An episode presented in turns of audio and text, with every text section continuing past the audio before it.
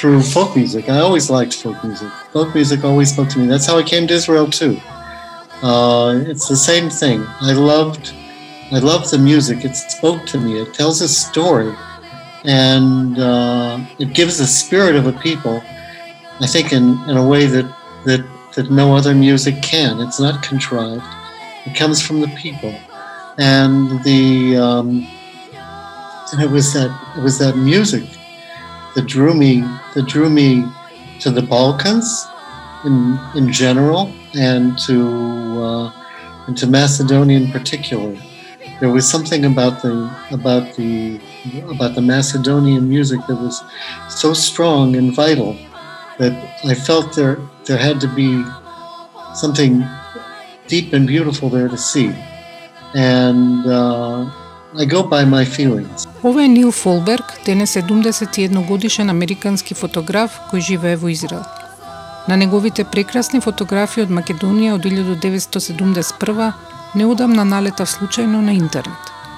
Првата помисла беше, како е можно никој тука да не ги видел цели 50 години? Зошто до сега немало изложба, студија, каква и да е промоција на постоењето на една ваква вредна збирка?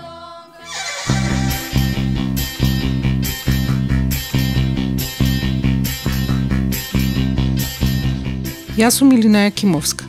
Во оваа епизода од подкастот Обични луѓе ќе се обидеме да ја раскажеме оваа долго одложувана приказна. Останете со нас.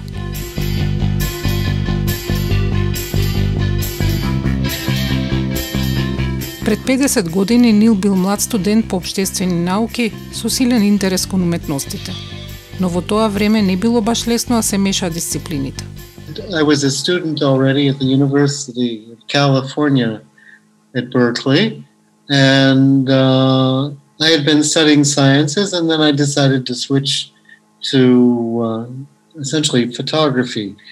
But it, as I as as I described, it was an academic university. This wasn't a place to study art, and uh, but it had other strengths. The strengths were, of course, that it had a a, a good uh, department of Slavic studies, including uh, an excellent uh, instructor in uh, Serbo-Croatian, not Macedonian, but uh, a very good instructor in uh, Serbo-Croatian. And of course, Macedonia was that is at that time part of Yugoslavia.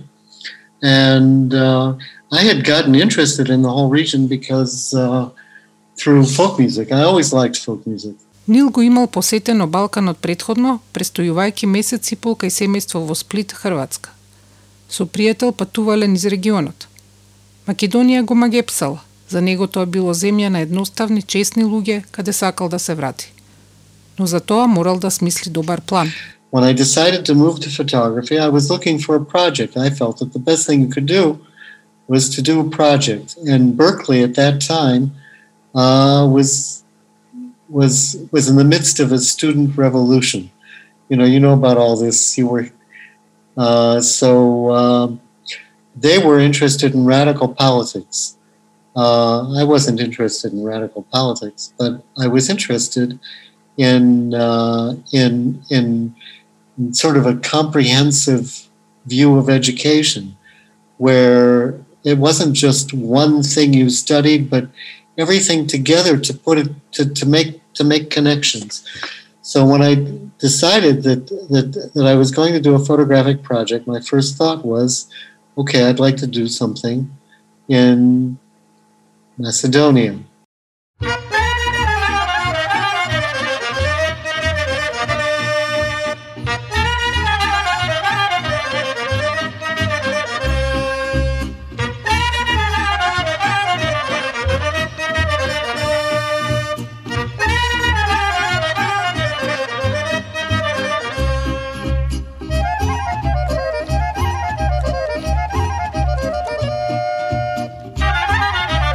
So when the university opened up a program where you could make your own individual curriculum, it wasn't even an individual major within a specific college.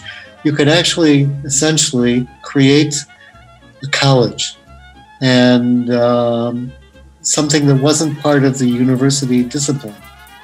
And uh, I heard about that course. I signed up for it, and by that time I was connected with. Uh, uh, I'd been studying privately with the American photographer Ansel Adams, is very famous, very well known, and uh, there was another photographer of tremendous stature, less well known, uh, at Berkeley, who was in the Department of Architecture and Design. His name was William Garnett. So I said, why don't we make a proposal that I should do a series of photographs in um, in Yugoslav Macedonia, differentiating it between the parts that were in Bulgaria and Greece. Uh, I didn't want to, I wasn't capable of dealing with so much at one time, and that would have been politically difficult, as you can imagine. Со комбинација на добар предлог, солидни референции и чиста среќа, проектот на НИЛ е единствениот од 50 кој бил одобрен. По долга административна процедура на добивање работна дозвола, преку тогашниот југословенски конзулат во Сан Франциско, тој се качува на авион, најпрвин до Белград, потоа до Скопје. Во тоа време, кога се слетувало на Скопскиот аеродром, пистата најпрвин морала да биде расчистена од овци. The first thing I did when I got there, I had met um, I had met a family. Uh, the first time that I was in Macedonia, I had met a family there, and uh, Kosta who uh, uh, he had picked me up hitchhiking. He was a government driver, and he had a government car, and I was hitchhiking, I think, from uh, around. We'd come down in the mountains from Galichnik, and we were on the main highway, and we were heading towards Skopje, and he picked us up, myself and my friend. With a government car. With a government car, which I think he wasn't supposed to do. I guess we looked interesting, and uh, he was a very friendly man. So, uh, so he took me to Skopje, and he invited me to stay there. And he said, "If you ever come back, so you can come stay with us." So he gave me the address, and uh, I think I must have stayed in a. I don't know where I stayed for the first couple nights, but then I went to look for him and asked if I could stay there for a little while until I found a permanent place to stay, and so the Bojanovsky family took me in. Семејството Божиновски живеело во подземјотресна барака, во која немало многу место. Сепак, како добри домакини му ја дале спалната, а тие се преселиле во кујна. Подоцна Нил изнајмува соба со помош од некој од горе, веројатно за властите да го имаат полесно на око. Во фокусот на Нил се нашле луѓето врзани за земјата, селата и малите градови. Списокот на места кои ги посетил ги вклучуваат Битола, Кратово, Струмица, Делчево, Прилеп, Демиркапија, Галичник, Булачани, Мавровијанови Косоврасти. Импресивен список дури за млад патник низ мала земја. На времето ова значело многу возење со автобус, но и многу пешачење како искусен етнолог. Uh, from there, uh, I started just exploring the area wherever I could get to on bus. It was uh, or by walking. I did a lot of walking, and I did a lot of riding the buses, and everything was a was a was an adventure. I mean, you could start anywhere. What I would I had specific goals. I was trying to get inside of people's homes.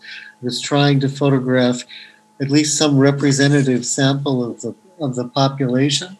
And I was interested in speaking with just ordinary people. I wanted to make a, a coherent statement, a visual statement. And so I came back to that idea that I started with, the idea of people on the land.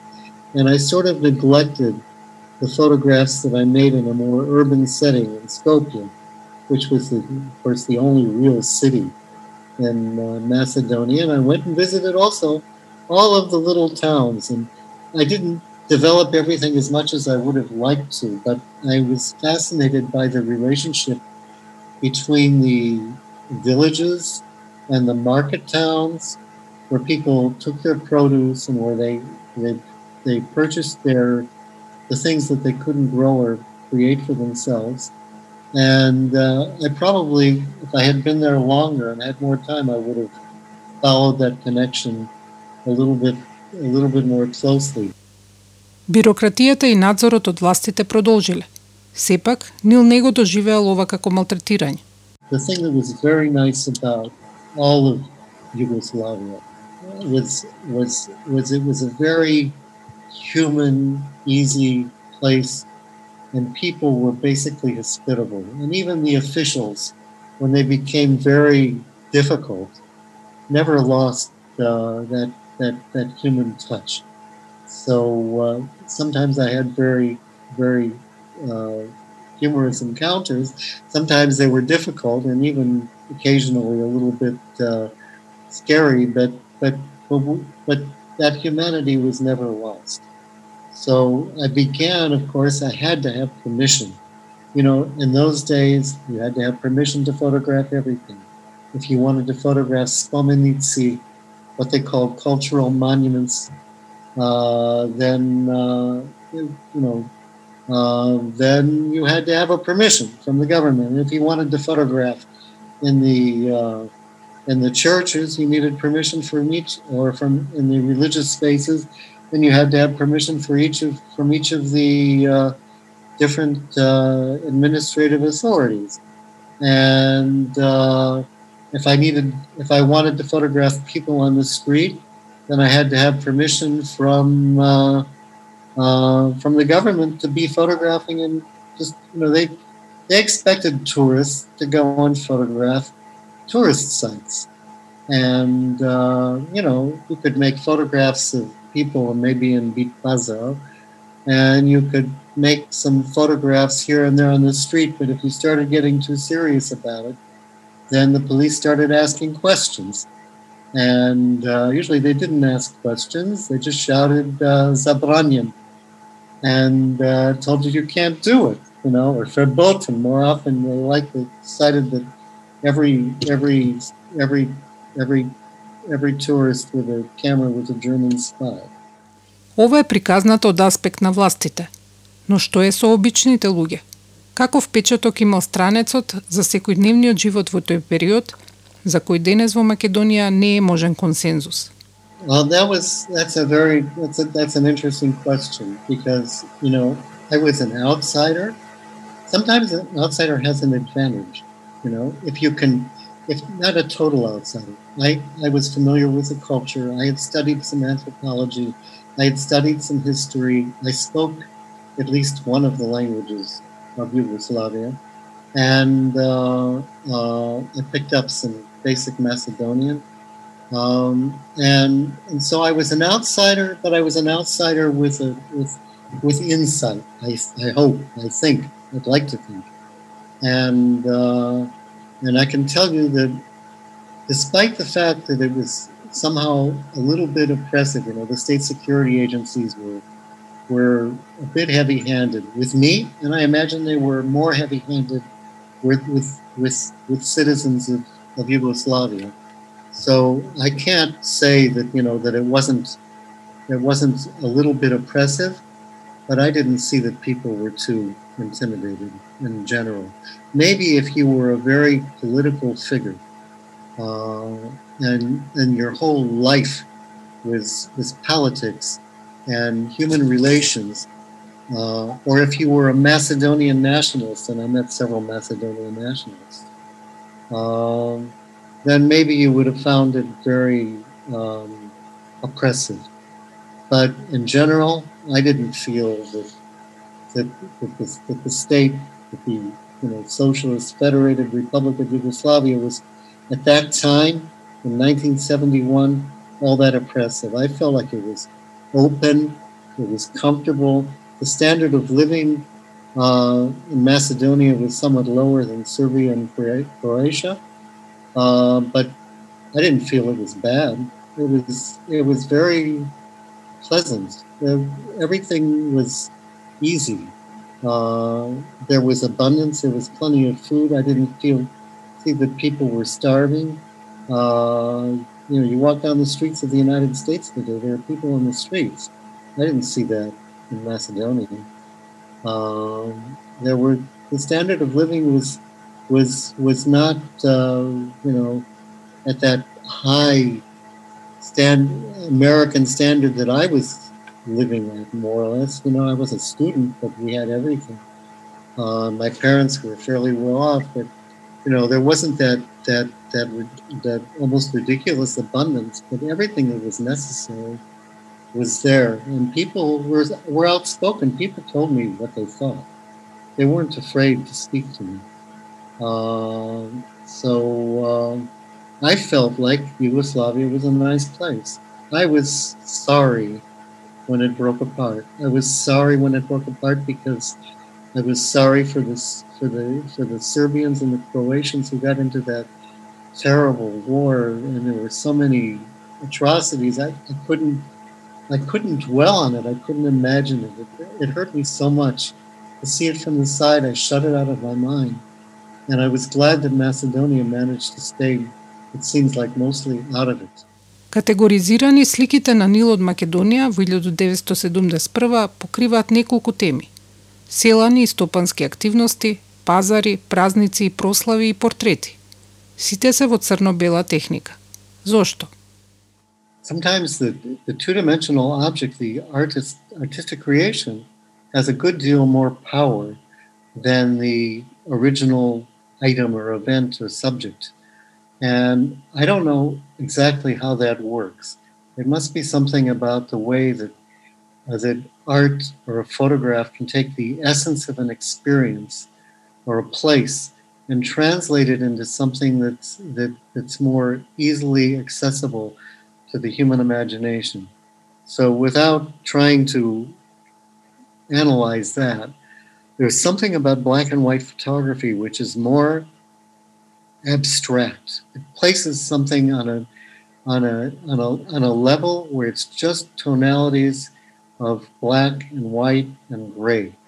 And it sometimes allows the essence of something to come out better than color, which might be um, in some ways distracting. So uh, at the time, I, I mean, I've worked a lot in color. I haven't worked exclusively in black and white, but I felt that black and white was suited to that subject. And there's also an American uh, tradition of documentary photography from photographers like uh, Dorothea Lange and Walker Evans, and uh, uh, you could list it's a it's a long list. And there's you know there's there's a you know that that that tradition carries over into other places as well, but but but I think I was connected to that tradition as well. Технологијата на тоа време, како и опремата со која располагал, го одредила и фотографскиот и човечкиот пристап кон луѓето на сликите. Фактот дека камерата била впечатлива и подобро функционирала на статив, значило дека Нил не бил невидлив. I was a student. I didn't have a lot of equipment. I couldn't have a big budget. I brought one camera and one lens. It's what I had. Uh, I started out with uh, with a Praktica 6x6. I liked the medium format. I couldn't afford anything better at the time.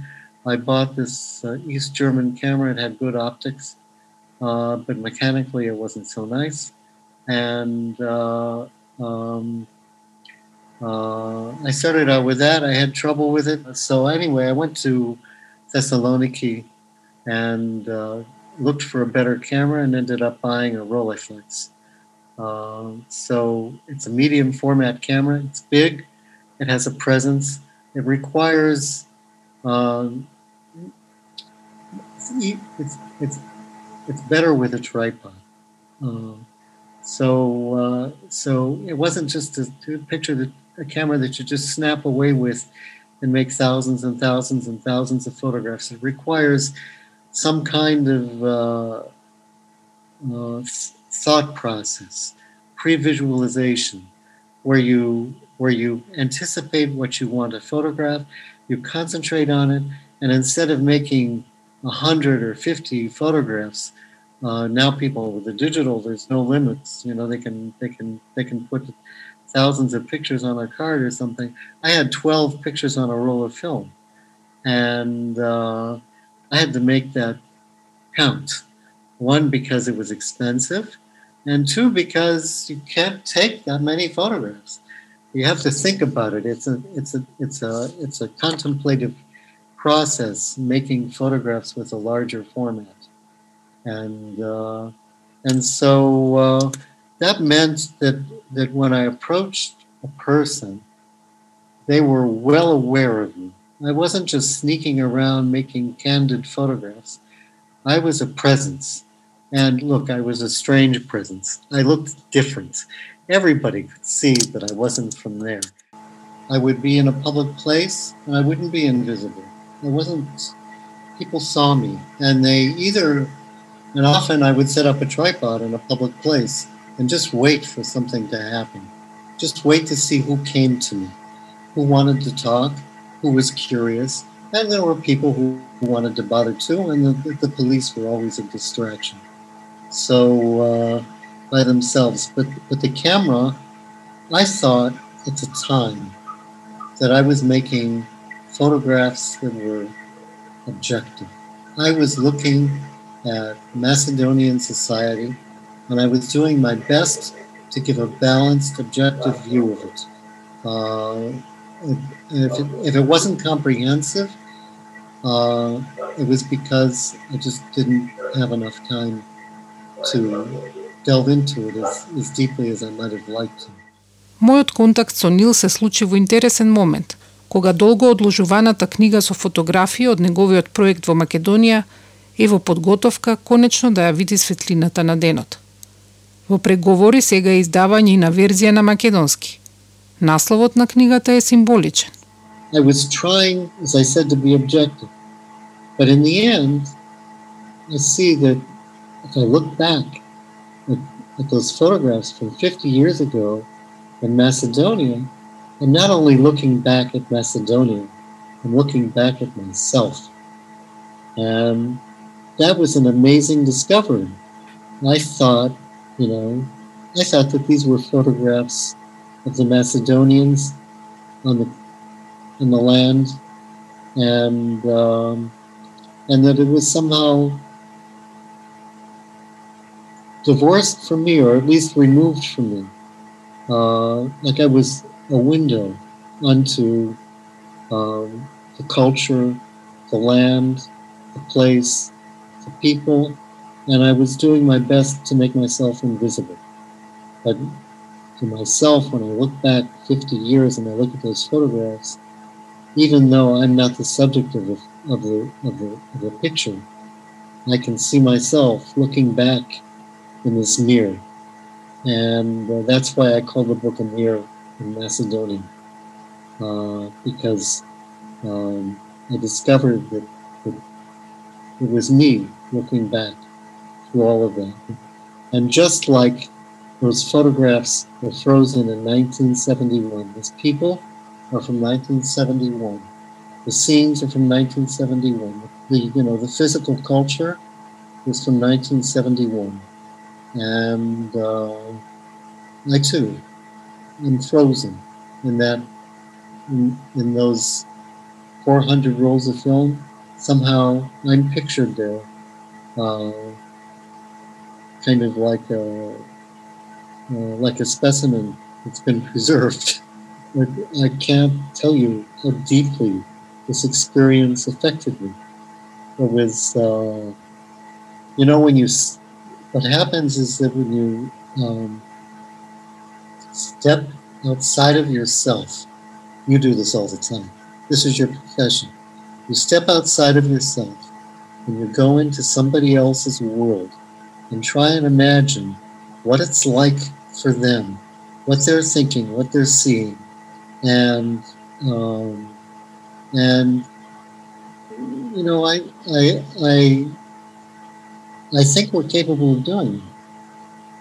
I think that you can step into somebody else's world. You can't ever leave yourself entirely, but you can use your imagination and and know what it feels like to be in that person's place. And I don't think that's that's impossible. I think that's the essence of communication. Значењето на овие фотографии сепак не е само историско, етнолошко или естетско. И не е интимно само за нивниот автор. Родена сум во 1971. Стара сум исто колку и овие фотографии. Јас и тие истовремено сме се нашле на овој свет – Така, гледањето во нив потикнува чувство на изминатото време. А освен фотографии, Нил сочувал и голем број други материјали, белешки, писма и аудиофајлови. Еден од нив е снимен во Лазарополе на Илинден, мојот имен ден и роден ден.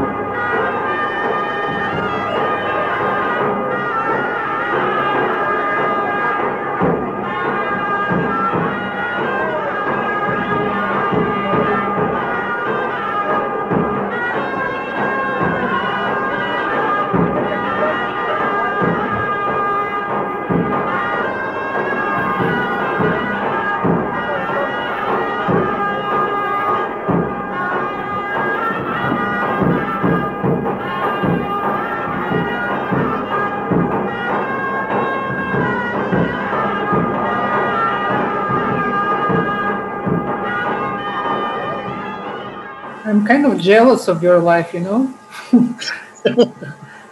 really, I don't know if you're aware that you had, uh, I mean, from my perspective, you had a very rich and uh, um, artistic, I don't know about private, of course, but uh, in terms of artistic life, you had really very interesting company, first of all, uh, context, and also opportunity to travel. So uh, I think it's amazing the whole story of it, especially because it relates to Macedonia, of course, but uh, not only. Yeah, well, I you know I feel like it's um, I feel like it's been very I feel like my life has been very very special in, in that sense because I've been able to get out and look around and see other people, and the camera is an interesting tool because. Uh, it kind of puts you in another status. You can walk into other people's lives and they accept you. You can walk into other people's cultures and they'll, they don't think that anything weird about you being so interested in it if you're making photographs. If you started poking around and asking questions, they might get uh, a little bit uh, suspicious, but people are used. The camera's kind of a, an entry tool. So uh, um, and if you're curious and you have an imagination, then the possibilities are sort of limitless. Во изминатите 50 години Нил Фолберг самиот ги има поместуван уметничките граници, испробувајќи се во други светови. Неговите дела вклучуваат фотографии од пустините и духовните наследства на Израел, Египет и Јордан, на историски синагоги ни светот – поврзувања со други визуелни уметности како францускиот импресионизам. Книга со наслов Небесни ноки пак ги представува небесата и звездите и представува промена на фокусот на неговиот интерес од луѓето и нивните земски преокупации кон огромниот космос. Ова има врска и со едно негово хоби. Ever since the period when I was in Berkeley, I've been sort of interested in uh, and and astronomy. So I think that's my hobby. I'm an amateur astronomer. I have a small observatory in my house, and uh, I go out and look at the stars. That's that's my escape now, especially during this year of Corona, which we've experienced all over the world. We've all been confined to uh, to our to the places where we live and maybe inside and not outside so much. So I could just walk out on my porch and open up uh, my observatory and and go 50 million light years away to some galaxy in 10 minutes.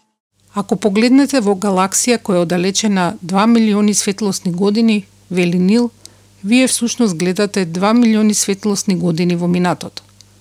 На истиот начин, ако гледате во фотографија која е стара колку едно трепнување во небесно време, би можеле да видите не само какви биле нештата вистински, туку и како можеле да испаднат.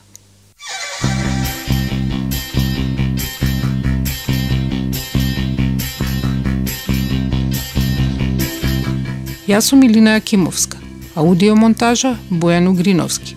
За целосен транскрипт и фотографии посетете нашата страница обичнилуѓе.мк.